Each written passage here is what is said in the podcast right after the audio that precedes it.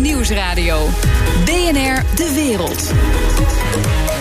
Bernard Hammelburg. Welkom bij het beste binnenlandse programma over het buitenland. Straks bespreken we de demonstraties in Hongarije met Hongaarse staatsvijand nummer 1, Judith Sargentini. Maar nu eerst. We have won against ISIS. We've beaten them and we've beaten them badly. We've taken back the land. And now it's time for our troops to come back home. Donald Trump komt opnieuw een verkiezingsbelofte na. Hij trekt de Amerikaanse troepenmacht weg uit Syrië. En volgens laatst, laatste nieuws stopt hij ook onmiddellijk met de luchtaanvallen op IS. Tot verbijstering van zijn eigen legertop, prominente partijgenoten en bondgenoten. Ik praat erover met Han ten Broeke, oud Tweede Kamerlid voor de VVD en geopolitiek expert. Welkom.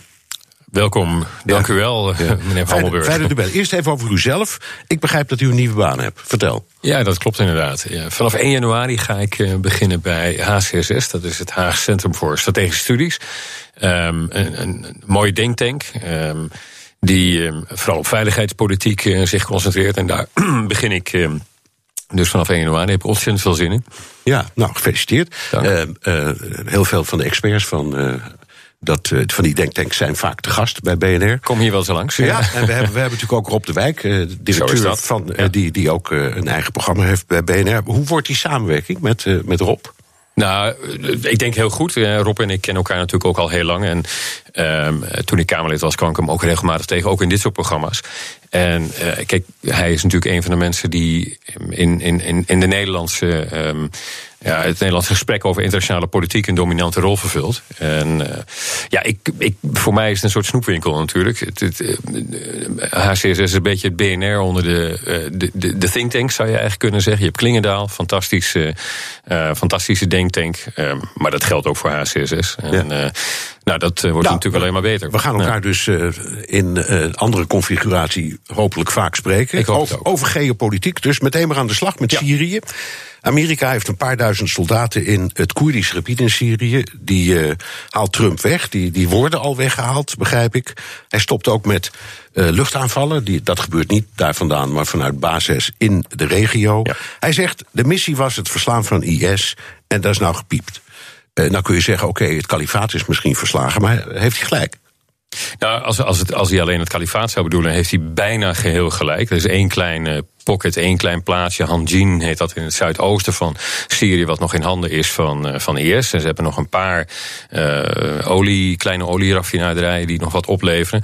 Maar uh, territoriaal is ISIS grotendeels verslagen in de afgelopen jaren. Ja. Met dank aan de Koerden, um, die de grondtroepen waren voor de Amerikanen. En, ja. en, dat zijn straks de grote verliezers van dit besluit. Ja. Um, ISIS zelf is niet verslagen. En um, het vervelende is vanwege dit, dit, dit besluit is dat ook nog lang niet de infrastructuur infrastructuur in Syrië op orde is die maakt dat we erop kunnen vertrouwen dat, dat ISIS niet keihard weer terugkomt. Nee, nee, sterker nog, voor een Amerikaans rapport zit er nog zeker iets van 14.000 uh, ja, IS, die, die, die 2000 speciale troepen die de Amerikanen daar hebben, dat zijn er niet eens zo heel veel. Maar die hadden een enorme afschrikwekkende werking. Eh, omdat ze A, een NAVO-land zijn. En dus de Turken um, nog enigszins terughoudend zijn met het aanvallen van die Koerden. Um, in het noorden van Irak. Het noordoosten van Irak moet je eigenlijk zeggen, dat was het, het meest relatief stabiele gebied. Um, dat zal heel snel veranderen, vermoed ik. Erdogan had al dreigende talen afgelopen vrijdag. En nu is het gewoon wachten op de eerste Turkse aanval. En met de vertrek van de Amerikanen kunnen ze dat doen zonder dat ze slaag raken met een ander NAVO-land. Ja, um, veel verbijstering. Ja, in, in, en Ja, en ook onder zijn eigen militaire staf, onder bondgenoten worden ja. reactie van, van Blok, die zich zorgen maakt naar ja. iedereen. Laten we even kijken naar de keerpunten in die oorlog. Uh, naar mijn idee twee hele belangrijke. De bekende rode lijn van Obama 2000. destijds. He, toen ja, hij zei, uh, we gaan bombarderen als ja. er chemische wapens worden gebruikt. Dat deed hij toen niet. En in september, plotseling, toen de Russen begonnen met bombarderen... en dus in feite de luchtmacht van uh, Assad werd, werden... Mm -hmm. Iran, dat toen in feite met Hezbollah samen de, de, de, de, het grondleger werd. Kun je zeggen dat Amerika op dat moment ook eigenlijk al had verloren? Ja, ik, ik heb hier ook voor deze microfoon in mijn vorige hoedanigheid wel eens gezegd. In 2013 is een, het niet handhaven van een zelfverklaarde rode lijn. Als je een uh, supermacht, en zelfs al ben je een supermacht zoals de Verenigde Staten, die wat op de terugtocht zijn, is een um, een, een, kapitale blunder geweest. Um, en daarmee heeft Obama eigenlijk het Midden-Oosten overgegeven aan een aantal autoritaire staten, die we later de Astana 3 zijn gaan noemen. In Astana kwamen Rusland, Iran en Turkije bij elkaar. En die maken nu uit wat de toekomst van Syrië gaat worden. Uh, dat doen ze samen met Assad, die weer terug in het zadel zit, en Hezbollah, de troepen uit Libanon, um, uh, die gefund worden door Iran. Iran is de grote winnaar. Iran heeft nu eigenlijk in drie jaar voor elkaar gekregen wat ze al 300 jaar hopen. Namelijk dat de levant weer onder hun eigen um, uh, controle komt. En die controle die strekt zich uit van Teheran naar Bagdad, uh, uh, nu straks Damascus en in Libanon zaten ze al. En Amerika uh, offert in feite in dit schaakspel de Koerden op. Ze zaten ook met die 2000. Voor, voor de zoveelste keer in de geschiedenis. Voor de zoveelste keer. De Koerden kunnen wij, zich terecht wij, weer wij dus voelen. impliciet ook, want Nederland... Nou, wij, wij, wij, waren al niet meer aanwezig, wij waren um, uh, alleen nog, um, en, en, dat was ook effectief, um, als, als luchtmacht aanwezig. En dan ook nog in het uiterste oosten uh, van, van, van, van Syrië. dus daar hebben we goed werk verricht. We hebben nog veel beter werk verricht in het noorden van Irak. maar met dit besluit van de Amerikanen Um, uh, en je ziet het ook in de reacties bijvoorbeeld van Poetin, die het een uitstekend besluit vindt, dat snap ik ook heel goed. Um, hebben de Amerikanen waarschijnlijk zonder dat ze garanties hebben gekregen of ze nog iets um, uh, kunnen doen aan de, um, de uiteindelijke configuratie van wat er met Syrië gaat gebeuren. Zonder daar enige toezegging voor te hebben gekregen, verlaten ze nu het toneel. En dat zal ze alleen maar meer problemen gaan opleveren. En ons ook. Europa is ook een verliezer. Ja. Nou, er zijn, uh, de VS is een verliezer, want de geloofwaardigheid van de VS is eraan. Dat begon al onder Obama en dat is onder Trump nu verergerd. Uh, de Koerden zijn een grote verliezer. Uh, um, de, de, internationale gemeenschap Israël is een verliezer. want die zien dit ook niet graag gebeuren dat de Amerikanen eigenlijk in het zuidwesten, uh, waar Soenitische strijders aanvankelijk door Amerikanen gesteund werden, al in de steek gelaten zijn. En Europa zal een verliezer zijn. En als het een beetje tegen zit, komen er ook weer nieuwe um, vluchtelingenstromen. Ja. Dus het is één groot drama. Trump heeft eerst nog overleg met Erdogan, ook met anderen hoor, eerlijk ja. is eerlijk, maar in ieder geval met bondgenoten. Zou het iets te maken kunnen hebben met die uh, Khashoggi-affaire? Want daar had hij uh, problemen met Erdogan. Daar kan ik niet overzien als koffiedik kijken. Vind ik altijd lastig. Um, uh, je kunt wel constateren dat um, in Teheran, dus in, in Iran, men het ene na het andere geopolitieke cadeau heeft gekregen. De, de, de affaire Khashoggi um, heeft ertoe geleid dat um, eigenlijk is blootgelegd dat de Amerikaanse strategie, de Trump-strategie om het Midden-Oostenbeleid vooral via Saudi-Arabië te laten lopen, dat dat op een mislukking uitdraait. Daar moeten ze een beetje van terugkomen. Um, en, en nu, terwijl het, het, zeg maar, het Witte Huis, wat nu door meneer Bolton, de, veiligheidsadviseur. de veiligheidsadviseur van Trump, die hem uh, die hij daar zelf heeft neergezet. En uh, die heeft eigenlijk Iran als grote vijand verklaard. Ook dat is een Saoedische um, benadering. Maar Iran is hier de grote winnaar. Ja. Uh, zoals ik net aangaf, Iran kan het nu gaan uitmaken nee, in, in Syrië. U, zegt dus Iran wint, uh, Rusland wint ook. Iran wint, Rusland Assad wint, wint. Assad wint. Assad wint. Turkije ja. tot op zekere hoogte, want dat kan in van zijn eigen Koerdische kwestie daar, een eigen inzicht.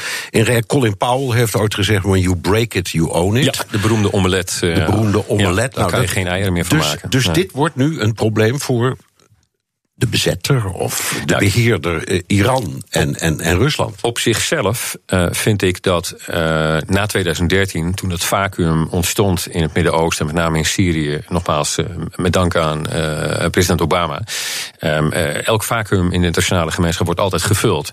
in dit geval dus door de landen die we zojuist noemden.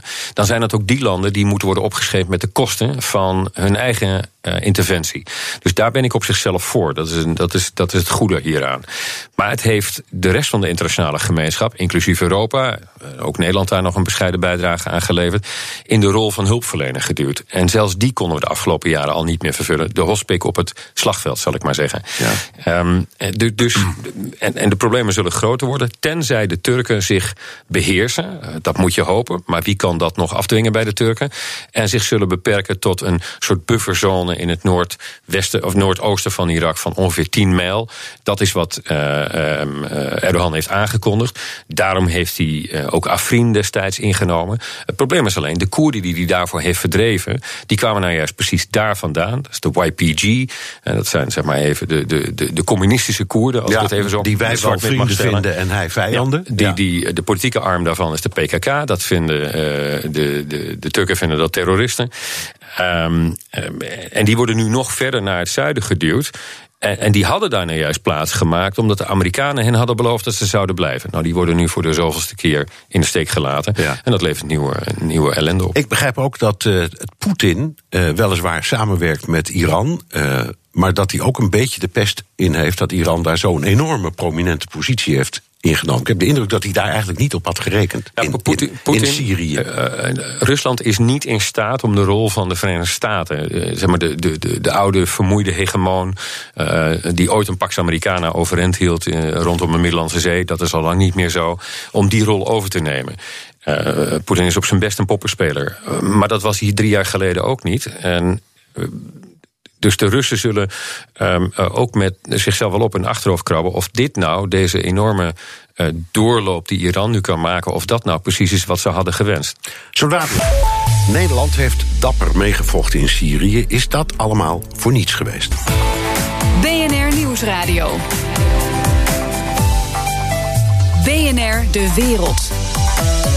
Mijn gast Hand ten Broeke, oud-VVD-Kamerlid... en binnenkort lid van het directieteam van het Haag Centrum voor Strategische Studies. Het is niet zo dat je daar binnenkomt, um, bombardeert en weer weggaat... en de problemen zijn opgelost. Uh, dat is geen sinds het geval toenmalig minister van Defensie Janine Hennis over de missie in Syrië. Nederland heeft op verschillende manieren een rol gespeeld in Syrië, militair en met steun aan de oppositie. Uh, uh, meneer Ten Broek, even één voor één. Mm uh, die militaire steun kwam pas tot stand na een heel ingewikkeld debat over wat toen steeds maar heette het volkenrechtelijk mandaat. Mochten ja. we nou wel, mochten we nou niet. Uiteindelijk gebeurde dat. Dat kwam. onze F-16's gingen daar bombarderen. Was dat nou allemaal voor niks? Zeker niet. Uh, die F-16's zijn juist heel effectiever geweest. En hadden we veel eerder moeten doen. Maar het heeft inderdaad heel veel tijd gekost. Had natuurlijk te maken met de verhouding in de coalitie op dat moment. Ik, je hebt daar wel wat grijze haren aan overgehouden. Nou, de Nederlandse coalitie, ja. niet. Want nee, dit is niet de internationale ja. coalitie, die wilde, die wilde wel. Ja. En die had ook al lang door dat Nederland daar geweldig werk heeft verricht. In het noorden van Irak zijn er een kleine half miljoen Koerden teruggekeerd naar hun huizen. Met dank aan onder andere Nederlandse F-16-piloten. Uh, die met hun bombardementen toen in staat uh, bleken om ISIS terug te duwen. Uh, die Yazidis kunnen het als volk nog navertellen. Dat zijn dingen die misschien in Nederland wel eens wat makkelijk, wat makkelijk ja. overheen wordt gestapt. Nou ja, en door mij nu dus ook, omdat ik denk. Het, het grote Amerika, de leider van die coalitie, trekt zich terug. Ja. Al die kleinere landen zoals wij, ja, die zijn. We waren geen klein land nee, als het nou ging ja. om die bombardementen, zeker niet in het noorden nee, Irak. Nee, ik bedoel, ik, maar, ik bedoel het niet, maar een, een groep kleinere landen dan ja. de Verenigde Staten, waaronder Nederland, die deden mee. En dan denk je, uh, nu trekt de, de, grote broer zich terug, dus we hebben dat eigenlijk allemaal voor niks gedaan. Uh, ja, nou, daar, daar het bestaat... kalifaat is misschien ja. weg, maar dat is hem dan. Daar bestaat wel een risico, want kijk, het kalifaat is misschien territoriaal. En 99% van het oppervlakte van het kalifaat op het topmoment, dat is nu wel weer ingenomen door anderen. Vervolgens moet je afvragen, door wie? Nou, hebben we het net over gehad. Dat is natuurlijk, dat zijn met name, is eigenlijk Iran. En dan met een aantal um, uh, spoilers, zoals we dat dan noemen. Een aantal landen die ook niet uit zijn op langdurige vrede. Um, eromheen. Um, is het dan voor niks geweest wat Nederland daar gedaan heeft? Nee, denk ik niet. Maar het risico bestaat wel dat het van korte duur zal zijn wat we daar hebben bereikt. Maar dat is een direct gevolg van het vertrek van de Amerikanen. Kijk, de Europese gemeenschap, de internationale gemeenschap proberen nog altijd. Afgelopen dinsdag deden, we, deden ze dat nog. Om te kijken of ze de toekomst van Syrië op de een of andere manier in goede banen kunnen leiden. Een soort van federalisering. Het begin van een constitutioneel comité. Wat dan in Genève alle partijen bij elkaar moet brengen. Partijen die elkaar de afgelopen jaar niet eens de hand wilden schudden. Um, dus daar wordt wel wat aan gedaan. En de, de, de, landen die er eigenlijk nu over gaan, die dus in het vacuüm zijn gesprongen wat Obama liet, die door de Amerikanen nu op een presenteerblaadje de rest van Syrië aangeboden krijgen. Dan hebben we het over Iran, dan hebben we het over Rusland, dan hebben we het over Turkije. Die moeten nu uitmaken wat er gaat gebeuren. Ons restte al niet meer dan de rol van hospik op het, uh, op het, op het slagveld. En zelfs daar hebben we moeite mee. Ook de VN kon er niet tussenkomen. Um, ik ben heel bang dat um, als, als, als de Turken nu gaan doorpakken en uh, in het noorden van uh, Syrië een, een, bufferzone gaan creëren, ja, dat dat ook weer tot nieuwe vluchtelingenstromen kan gaan leiden. En dan weten we nu al wie dat moet gaan oplossen. Dat ja. zijn wij. Nou, de andere kant, ik zei, die, die steun bestond uit twee onderdelen: militair met de F-16's en, en, en adviezen en ga zo maar door. En steun aan de oppositie. Um, dat was ongetwijfeld allemaal goed bedoeld, maar uh, wij maakten dan steeds een onderscheid tussen de goede en de slechte oppositie. Uh, en dat is, uh, nou ja, een beetje op een fiasco uitgelopen. Kijk, kijk naar de onthullingen van Nieuwsuur en Trouw. Ja, ik ben daar niet zo van onder de indruk. Als je, kijkt, als je alleen maar Nederlandse klanten leest, dan is, dat, uh, is het al snel het schandegroep is niet van de lucht. Um, um, maar met alle respect, um, iedereen weet dat je op het moment dat je je uh, bemoeit met dit soort conflicten, dat dat niet gaat met schone handen alleen maar. Uh, was ik er groot voorstander van? Nee.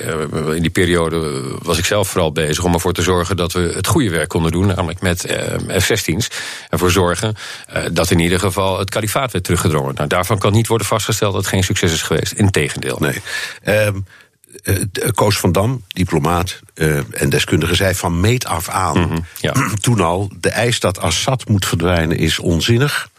Uh, begrijpelijk, maar onzin. Hij had gelijk. Bemoeienis is eigenlijk onverstandig. En als we ons hadden gedistanceerd, waren er misschien 40.000 mensen omgekomen in plaats van bijna een half miljoen. Had en heeft hij gelijk. Ja. Ja, dus... Het is heel cynisch, maar het is wel waar. Ja. ja. Er zijn interventies die je beter niet kunt doen. En uh, ik weet dat er heel veel kritiek is. Uh, uh, we hebben in Irak hebben we volledig geïnterveneerd. Um, uh, dat heeft Irak niet per se veel vreedzamer gemaakt, maar het is nog intact. We hebben in Libië half geïnterveneerd. Libië is een puinzooi. En Syrië is de allergrootste uh, puinhoop met ongelooflijk menselijk leed. En uh, ja. tot, tot gevolg met de grootste vluchtelingenstromen die we in 50 jaar hebben gezien. En daar hebben we eigenlijk niet geïnterveneerd. En toen we interveneerden, moesten we het ineens doen met landen die er hele andere opvattingen over nahouden. Over wat je dan doet nadat er geïnterveneerd is. Maar de redenering was. Um als er zoiets vreselijks aan de, aan de hand is, dan moet je als fatsoenlijk land heb je een soort morele en politieke verplichting. Dan moeten we heel snel. Dan moet je vanaf. helpen. Ja. Uh, en de, de gedachte, zo... we moeten wat doen. Er is ja. zelfs een toneelstuk over geschreven. Naar aanleiding van hoe Nederland ooit, uh, ook de Nederlandse politiek ooit, uh, zich committeerde aan Srebrenica. Met te, militairen met een slecht mandaat, te weinig bewapening. en, en, en een volstrekt gebrek aan begrip, zowel in politiek als, als daaromheen. Besluitvormers over wat we daar konden doen en wat het eindspel zou zijn. heeft Nederland een harde les geleerd. Zwarte pagina in onze geschiedenisboeken. Um, Kun je hetzelfde zeggen maar voor. alleen ergens naar binnen gaan nee. omdat, omdat je vindt dat je wat moet doen is. is of omdat je is, moet meehelpen. Kun je hetzelfde zeggen van, uh, uh, laten we zeggen, uh, um, de, de, de, Nederlandse missie in, in Afghanistan? Nou, vervolgens moet je dan met hem gaan, gaan knippen van hoe, hoe, hoeveel effect heeft dat gehad. Oeroesgan heeft Nederland volgens mij een hele nuttige bijdrage geleverd. Zolang ze er waren, op het moment dat ze weg ja, waren. Ja, dat hebben de Amerikanen weer, ja. overgenomen. Die hebben daar wat andere, wat andere houding aan de dag gelegd. Kijk, als je Of Afghanistan afmeet aan het aantal, um, het is niet onderwieren bedoeld, maar aan het aantal meisjes wat weer naar school gaat. In sommige delen van Afghanistan is dat het geval. En is het waarschijnlijk ook blijvend. Maar als dat, uh, de, de, als dat je conditie is om af te meten of het succesvol is, dan kom je nooit op succes uit. We hadden veel beperkter onze doelen moeten stellen. Want op het begin moeten zeggen, eigenlijk is het doel in Afghanistan is de Taliban eronder en uh, Al-Qaeda eruit. En dan kun je zeggen, ja, dat is ja. wel voor 80, 90 Maar dan had, je, dan had je ook moeten zeggen, het is gewoon een vechtmissie. En daar ging toen de discussie ja, over. Nou okay. ja, goed, daar, en, daar is mijn opvatting dus, het, gaat, het gaat mij om ja. het goed bedoelde morele instinct van een democratie. Die zegt er is iets vreselijks aan de hand, we moeten helpen. Ja. En dan van een koude kermis thuiskomt. Ja, maar als dat, dat is op zichzelf niet. Uh, ik, zeg, ik pleit er niet voor om dat morele instinct uit te schakelen. Integendeel. Maar je moet vervolgens wel realistisch zijn over hoe je daar dan hoe je, hoe je daar een succes van kunt maken. En je kunt er alleen maar een succes van maken aan een aantal zaken bij elkaar komen. Er moet een bereidheid zijn bij een brede coalitie van landen om er iets aan te doen. Um, uh, er moet een, uh, een exit-strategie zijn over wat daarna. Uh, dat laat Trump nu zien dat hij dat niet heeft, of voor zover ze het hadden, al zijn officials hebben. In januari zei Brad McCurk, zijn special envoy voor Syrië nog. We, we blijven. We, niet alleen we blijven, ja. we gaan met 30.000 soldaten daar en de ja. noordgrens um, uh, patrouilleren. En, en vandaag trekt hij er 2000 terug. Um, dus je moet weten hoe je eruit gaat. Je moet weten met wie je erin gaat. Uh, en je moet weten of je um, succes kunt bereiken. In Libië uh, kon dat op korte termijn, maar hadden we geen regime change moeten doen. In Aleppo konden we dat niet. En ja, um, dat is dan verschrikkelijk. Um, maar dat is de realiteit die je in de wereld ja, af en toe ja, voor ogen moet ja, houden. dat heet strategie. En dat, dat, dat, in de 19e eeuw zijn er al dikke boeken over geschreven. En die hebben we nog steeds niet goed gelezen, klaarblijkelijk. Ja, In, in, Nederland zou die literatuur misschien af en toe even weer te hand Van Clausewitz, nou noem ze allemaal op. Uh, we hadden het er al over. Iran is de grote winnaar, zegt u. Uh, het land heeft zich enorm ingegraven in Syrië. Trump zegt steeds: Iran is een enorm gevaar. Europa, ook wij, Nederland, proberen die relatie met Iran toch te redden. Wie heeft er gelijk? Ja, hier is niet, niet zomaar te zeggen van de een wel en de ander niet. Ik, ik, ik denk dat Europa is te naïef als het gaat om de Iraanse invloed in de regio en, en, en zelfs ook in Europa. Uh, deze week nog in Albanië weer uh, Iraanse diplomaten uitgewezen. Gebeurt nu in een aantal Europese steden. Iran is heel actief met de veiligheidsdiensten. Iran is heel actief met terreurbewegingen. Hebben ontzettend veel geld. En um, het punt is alleen, wat, wat, wat, is de beste benadering van Iran? Ik geloof ook niet in de Amerikaanse benadering... die uh, bij wijze van spreken de spreekbuis van um, Saudi-Arabië zijn geworden. Ja, dus, dus Trump houdt het simpel. Uh, voor ons, om het even makkelijk te maken... de, de zijn de goede en die René's de kwaaien. Ja, dat is, dat is inderdaad te simpel. En uh, hij komt ook heel, van een hele koude kermis. Want zijn totale alle kaarten op Saudi-Arabië zitten... dat komt als een boemerang nu terug. Begrijp, maar wij als Europa of als Nederland... moeten moeten we ons niettemin wat feller te weerstellen tegen Iran. Uh, ja, dat denk dat ik wel. Ik wel uit uw woorden. Dat denk ik wel. Ik vond het jammer dat. Uh, kijk, uh, Bert Koenders heeft het als minister van Buitenlandse Zaken. eerder wie eerder toekomt. wel geprobeerd om bijvoorbeeld bij de Iran-deal. Um, er in ieder geval nog de ontwikkeling van Iraanse raketten onder te krijgen. En toen hem dat niet lukte, hebben we nog gezamenlijk geprobeerd om te kijken of we in ieder geval niet te technisch maken, maar um, uh, dat er sancties weer konden worden ingesteld op Iran om dat te automatiseren. Uh, Nederland stond alleen. Um, Duitsland wilde heel graag. de Fransen stonden wel aan onze kant. Die zijn ook wat realistischer als het om Iran gaat. Dat kan ook niet anders. De Fransen hebben heel veel geleverd aan Iran, dus die weten precies hoe het daar werkt. Um, maar ja, je ziet nu de invloed van Iran en territoriaal en, en ook daaronder ja, toenemen. Laatste dingetje, dat een van de punten waar zich dit elke dag voorspeelt is Jemen.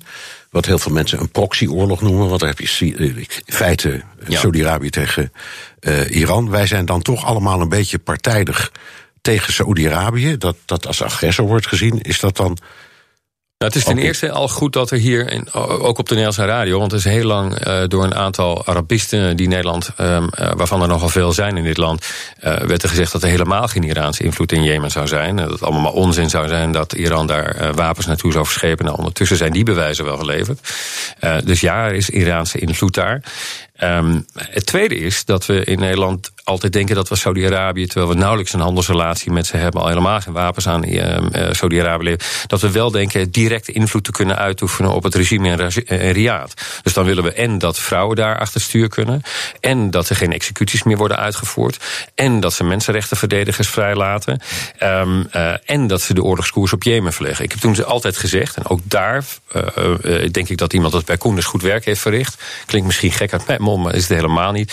Um, Nederland heeft er toen voor gekozen om um, heel nadrukkelijk maar één ding te doen. En dat was vooral inzetten om die humanit het humanitaire leed in Jemen, wat schrikbarend is, om dat te verlichten. Ja. In de Mensenrechtenraad hebben we dat gedaan. Nu, na Khashoggi, uh, krijgen we meer steun. Want niemand wil nu nog met de Saudis gezien worden. Maar af en toe moet je eh, een goede balans weten te treffen tussen de invloed die je zelf kunt uitoefenen en die je via je bondgenoten kunt uitoefenen. En veel van onze bondgenoten leveren ook weer heel veel wapens en die hebben dus meer invloed. Canada bijvoorbeeld wordt hier altijd op het schild geheest. Hè? Justin Trudeau, um, uh, bij wijze van spreken, uh, uh, een soort D66 aan de leiding van een, ja. een, een, een, een, groot westers land. maar leveren wel heel veel wapens aan Saudi-Arabië. Nou, die kunnen meer dan Nederland. Dank. Hand en Broeke, oud Tweede Kamerlid voor de VVD. En binnenkort lid van de directie van het Haag Centrum voor Strategische Studies. BNR Nieuwsradio. BNR De Wereld. Bernard Hammelburg. De Catalaanse crisis in Spanje speelt weer op. De boel wordt op scherp gezet met een bezoek van de Spaanse regering aan Barcelona en een oppositieleider die spreekt over bloedvergieten en een burgeroorlog. Resulta que lo que quiere es un derramamiento de sangre, una guerra civil en Cataluña. Europa-verslaggever Jesse Pinster, wie horen we daar? Dat is eh, Pablo Casado, de leider van Partido Popular, de grootste partij in het parlement in Madrid. Maar ze zitten niet meer in de regering. En gisteren zei hij dit. Um, Omdat hij vindt dat de Catalaanse regering, de Catalaanse president Torra, dus uit is op bloedvergieten en een, een burgeroorlog. En dat is niet helemaal onterecht, want deze Torra die had het over een Sloveense weg richting onafhankelijkheid voor Catalonië. Nou, Slovenië is onafhankelijk geworden dankzij een tiendaagse burgeroorlog waarbij tientallen doden zijn gevallen. Maar het is natuurlijk wel een hele stevige beschuldiging van deze Partido Popular leider. Met name als je het in de context van Spanje ziet, wat nog gewoon een hele heftige, bloedige burgeroorlog heeft meegemaakt in de 20e eeuw. En dit gebeurt dus inderdaad allemaal in de aanloop naar een zitting van het Spaanse uh, kabinet. Die gaan naar Barcelona, komen daar vanavond al aan. En dan is daar morgen uh, nou ja, een, een zitting. En ja, dat roept toch bij veel Catalanen het gevoel op dat er hier sprake zou zijn van een, een zware provocatie vanuit Madrid. En hoe wordt die regering dan ontvangen in Barcelona? Nou, dat gaat waarschijnlijk gebeuren met heel veel demonstraties, met stakingen. En nou ja, dan loop je toch alweer het risico dat het uit de hand gaat lopen. Een zeer actieve protestbeweging die zegt bijvoorbeeld dat het ja, de tijd voor de revolutie met een glimlach, die is nu voorbij. Het is tijd voor actie. En dan heb je nog radicalere groepjes die het echt over gevechten hebben. En dat gebeurt dan allemaal onder de hashtag Tombem el regime, werp het regime omver. En uh, ja, omdat zij dit dus allemaal ervaren als een provocatie... en daar tegenover staan dan straks 9000 agenten... waarvan er ook 900 echt van de oproerpolitie. En die komen dan ook weer van buiten de regio. Nou ja, dat is allemaal olie op het vuur daar. Even terug naar de leider van die Partido Popular. Dit is niet de eerste keer dat hij uh, olie op het vuur gooit. Nee, absoluut niet. Vorig jaar, in het najaar, toen hadden we natuurlijk eigenlijk het hoogtepunt van deze Catalaanse crisis. En toen zei deze Casado dit. Yo creo que eh, la historia no hay que repetirla. Ja, ik hoop dat de geschiedenis zich, geschiedenis zich niet gaat herhalen. En dat was een dreigement direct gericht aan het adres van de toenmalige president uh, uh, Charles Puigdemont. En met die herhaling verwijst hij dan naar de jaren 30. Want ook toen was er een Catalaanse president. Dat was de heer Companys. Die heeft toen ook de onafhankelijkheid uitgeroepen. Belandde vervolgens in de gevangenis. Wist daar uit te vluchten. Werd weer teruggehaald. En is toen geëxecuteerd door het regime van Franco. Dus dit dreigement dat betekent ook echt iets in Catalonië. Maar het is vooral ook illustratief voor de Partido Popular met zijn nieuwe leider. Want je ziet daar echt een ruk naar rechts. Je had in Spanje eigenlijk heb je geen, of had je heel lang geen rechts populistische beweging. Maar sinds kort is hij er wel. Deed het ook goed bij verkiezingen in Andalusië. Die partij heet Vox. En dat zie je ook en dat hoor je terug in het uh, woordgebruik van de Partido Popular. En uh, Puigdemont, zit hij nog steeds in België? Die zit nog steeds in Waterloo. Daar gaan we geen flauwe grappen over maken verder. Maar daar uh, zit hij inderdaad uh, nog steeds in België. Lekker dicht bij de Europese instellingen. Want daar wilde hij natuurlijk altijd zijn, zijn zaak voor Catalonië bepleiten. Wat niet heel erg lukt.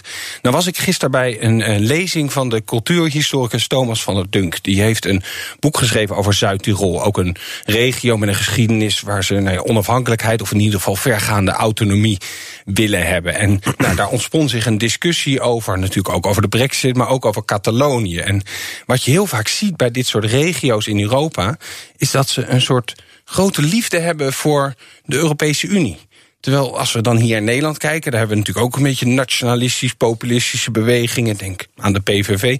Die zijn altijd heel boos op Brussel. Maar als het regionale nationalisten, als je dat zo zou kunnen zeggen, gaan, die houden eigenlijk wel van Brussel. En waarom is dat nou zo? ja, vanuit Nederland, als je daar nationalistisch bent, dan is Brussel het kwaad. Maar als je in Barcelona zit, dan is Madrid het kwaad. Ja. En dan heb je heel graag dat Brussel Madrid een beetje gaat ondermijnen. Ja. Maar ja, dat wil Brussel dan weer niet. Dankjewel. Niet te veel. Dankjewel, Europa-verslaggever Jesse Pinster. The Donald Show. We gaan uh, naar uh, Jan Postma voor de uh, update over de United States of Trump. Jan, onze correspondent in Washington. Een shutdown lijkt voorkomen, maar daarvoor heeft Trump nog steeds zijn muur niet. Ja, nee, inderdaad. Dat is toch wel een probleempje. De, de Senaat heeft voor een plan gestemd dat uh, zorgt ervoor dat er in ieder geval geld is voor de overheid tot februari. Uh, dus dan kunnen ze weer even vooruit. En dat is dan precies na de State of the Union. Dus dan was het idee ook, dan kan Trump daar nog eventjes een punt maken hoe belangrijk hij die muur vindt. En dan heeft hij misschien ook de neiging om hier een beetje in, in mee te gaan. nou, Huis van Afgevaardigden gaat dan ook nog stemmen. Dat komt er wel door waarschijnlijk. Dat moet dan allemaal voor vrijdagnacht 12 uur gebeuren. Maar dan ja, moet ook nog Trump ondertekenen. En, en daar is toch nog wel een beetje spanning over. Want niemand wil natuurlijk een shutdown op zijn geweten hebben. Trump ook niet. Maar hij heeft ook al eerder gezegd dat hij er toch wel trots op zou zijn. als dat zou zijn om, om zijn muurplan te behouden. En vanaf januari heeft natuurlijk het Huis van Afgevaardigden echt een, een democratische meerderheid. Dan, dan gaat die verkiezingsuitslag gaat dan in, zeg maar. Ja, en dan wordt het veel moeilijker voor Trump om die muur erdoor te krijgen. Dus dit zou wel eens zijn laatste kans kunnen zijn. En vanochtend tweet hij weer dat hij niet zal tekenen uh, als hij niet de muur krijgt. Nee. Dus de vraag is nu, wat doet Trump? Uh, want zijn belangrijkste campagnebelofte is er nog niet. Ja, dus uh, dat kan niet anders leiden dan tot kritiek op Trump. Dat krijg je ja, trouwens ja, altijd, ja. maar goed. Ja, ja, maar nu ook uit, uit, uit zijn vriendengroep, zullen we maar even zeggen. De mensen die altijd wel sympathiek tegenover hem staan. Uh, conservatieven in, in het congres bijvoorbeeld, die zeggen, nou, veto dit. En ook conservatieve media zijn behoorlijk negatief. Breitbart, Drudge Report, allebei van die ja, rechtsconservatieve websites... die schrijven dat de president eigenlijk heeft toegegeven... dat de president heeft verloren. Trump trekt zich terug, schrijft Drudge zelfs. En ook, ook een opvallende prominente rechts opiniemaker Ann Coulter. Uh, veel op Fox News te zien, die is ook boos. Zij is al wat langer gefrustreerd dat die uh, muur er niet staat. En zij zegt nu, uh, ja, zonder muur heeft Trump eigenlijk geen legacy. Eigenlijk helemaal niets. en Coulter. About to have a country where no Republican will ever be elected president again. Trump will, it'll just have been a joke presidency that scammed the American people, um, enraged, the, you know, amused the, the populace for a while. Um, but he'll have no legacy whatsoever. Ja, en uh, Bernard, dit bleef niet zonder gevolgen, want dit was best harde kritiek. Sinds gisteren, sinds zij die uitspraak heeft gedaan en Fox News er ook uitgebreid over doorging, volgt president Trump één persoon minder op Twitter. En dat, dat is Ann Coulter. Ann Coulter, ja. Toch een moeilijke week voor Trump, sowieso, als we het hebben over de grote heksenjacht. Ja, zeker. Uh, hij had natuurlijk slecht nieuws over Michael Flynn, hè, zijn oud-nationaal veiligheidsadviseur. Rechter was heel hard over Flynn. Die dreigde met gevangenisstraf. Daarom is ook die uitspraak uiteindelijk uitgesteld. En Trump bleef eigenlijk altijd achter Flynn staan. Hè. Uh, Michael Cohen, daar was Trump altijd hard over. Van, uh, nou, dat is een verrader. Flynn, ja, daar zei Trump altijd van, die is ingeluisterd door de FBI. En eigenlijk is er ook niks aan de hand. Nou, nu is er dus een rechter die daar heel anders over denkt. En die vroeg Flynn ook nog van, ja, bent u ontevreden over de manier waarop de FBI u behandelt? Heeft. En toen zei Flynn nee. Dus ja, alle argumenten vallen een beetje weg voor Trump om, om zich daar nog van te distancieren en te zeggen van dit stelt eigenlijk niets voor. En nog een interessant ding, wij kijken allemaal naar Mueller natuurlijk, maar stiekem was uh, de aanklager in New York ook nog bezig met dat onderzoek naar de Trump Foundation, het goede doel van Trump. En uh, werd bekend deze week dat moet gesloten worden. En uh, de aanklager zegt daar ook dat er echt wetten zijn overtreden. Het onderzoek loopt er nog, maar we weten dat Trump zelf al jaren geen geld meer in dat goede doel stopte, dat dat door externe giften nog liep. Uh, maar dat ze dat wel leken te gebruiken om bijvoorbeeld een fontein voor het Trump Hotel uh, op te knappen. Uh, om een schilderij van Trump zelf te kopen voor, ik geloof, 20.000 dollar. En dat hangt nu in Mar-a-Lago. Dus dit was niet echt een goed doel. Dus, dus dit loopt ook nog. Ja, nou, tenslotte nog even. ook goed nieuws voor Trump, toch? Gevangenis ja, gelukkig wel.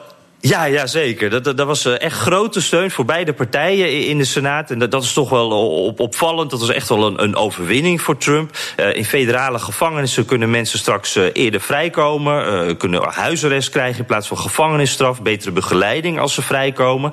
Um, nou, dat, dat komt waarschijnlijk ook nog wel door, de, door het Huis van Afgevaardigden. En zou vrijdag waarschijnlijk Trump dat ook nog kunnen tekenen. Dus dat is dan het lichtpuntje. Want dit was echt een onderwerp wat zijn schoonzoon Jared Kushner naar voren heeft gedrukt. En uh, ja, dat, dat lijkt ze dus voor elkaar te hebben gekregen. Dat daar toch echt wat gaat veranderen. En dat echt misschien wel voor het eerst beide partijen vol achter een plan van Donald Trump gaan staan. Dankjewel. Correspondent Jan Posma vanuit Washington. En zo dadelijk protesten in Hongarije. Brengt dit Orbán, de onaantastbare, aan het wankelen? BNR Nieuwsradio. BNR De Wereld. Problemen voor Orbán de onoverwinnelijke. Al meer dan een week zijn er protesten in Budapest tegen het beleid van de Hongaarse premier Orbán. Er zijn veel landen waar de vraag hoe gaan we met de rechtsstaat om heel pregnant is geworden. En waar wij als Nederland dus wel onze rol moeten spelen om de Europese Commissie die landen te laten aanspreken. Voor het eerst zijn alle oppositiepartijen in het land verenigd en volgens CDA-leider Sibran Buma ligt ook hier een rol voor Nederland. Ik praat erover met Judith Sargentini, voor, voor Orbán staatsvijand nummer 1 en Europarlementariër voor GroenLinks. Fijn dat u er bent. Dank u wel. Uh, u heeft het land uitvoerig onderzocht. Wie zijn de mensen die nu de straat op gaan? Uh, het zijn mensen uh, nog steeds vooral in de grote steden. Uh, maar waar het een paar maanden geleden toch vooral studenten waren en uh, progressieve mensen die voor bijvoorbeeld de vrijheid van media staan, persvrijheid staan, zijn het nu ook steeds meer gewone burgers die zich enorm bedreigd voelen door de nieuwe wet die overwerken bijna verplicht stelt, maar niet meer uitbetaalt. Nee, dat, dat is dan wat wordt genoemd de nieuwe arbeidswet, bijgenaamd de slavenwet. Ja. Leg ons eens uit wat erin staat en waarom komt Orbán daar nu mee? Die wet die zegt uh, dat je tot 400 uh, uur per jaar zou mogen bijwerken, overwerken. Maar het is niet echt een vrije keuze. Dus het is niet prettig om daarmee extra geld te verdienen. je moet. Maar de, de uitbetaling van de overuren wordt pas over een paar jaar gedaan. Dus als jij dit jaar heel veel werkt, maar volgend jaar is de productielijn van de, de fabriek waar je werkt staat stil, dan, dan compenseer je eigenlijk dan met vrije tijd en wordt het overwerk niet uitbetaald.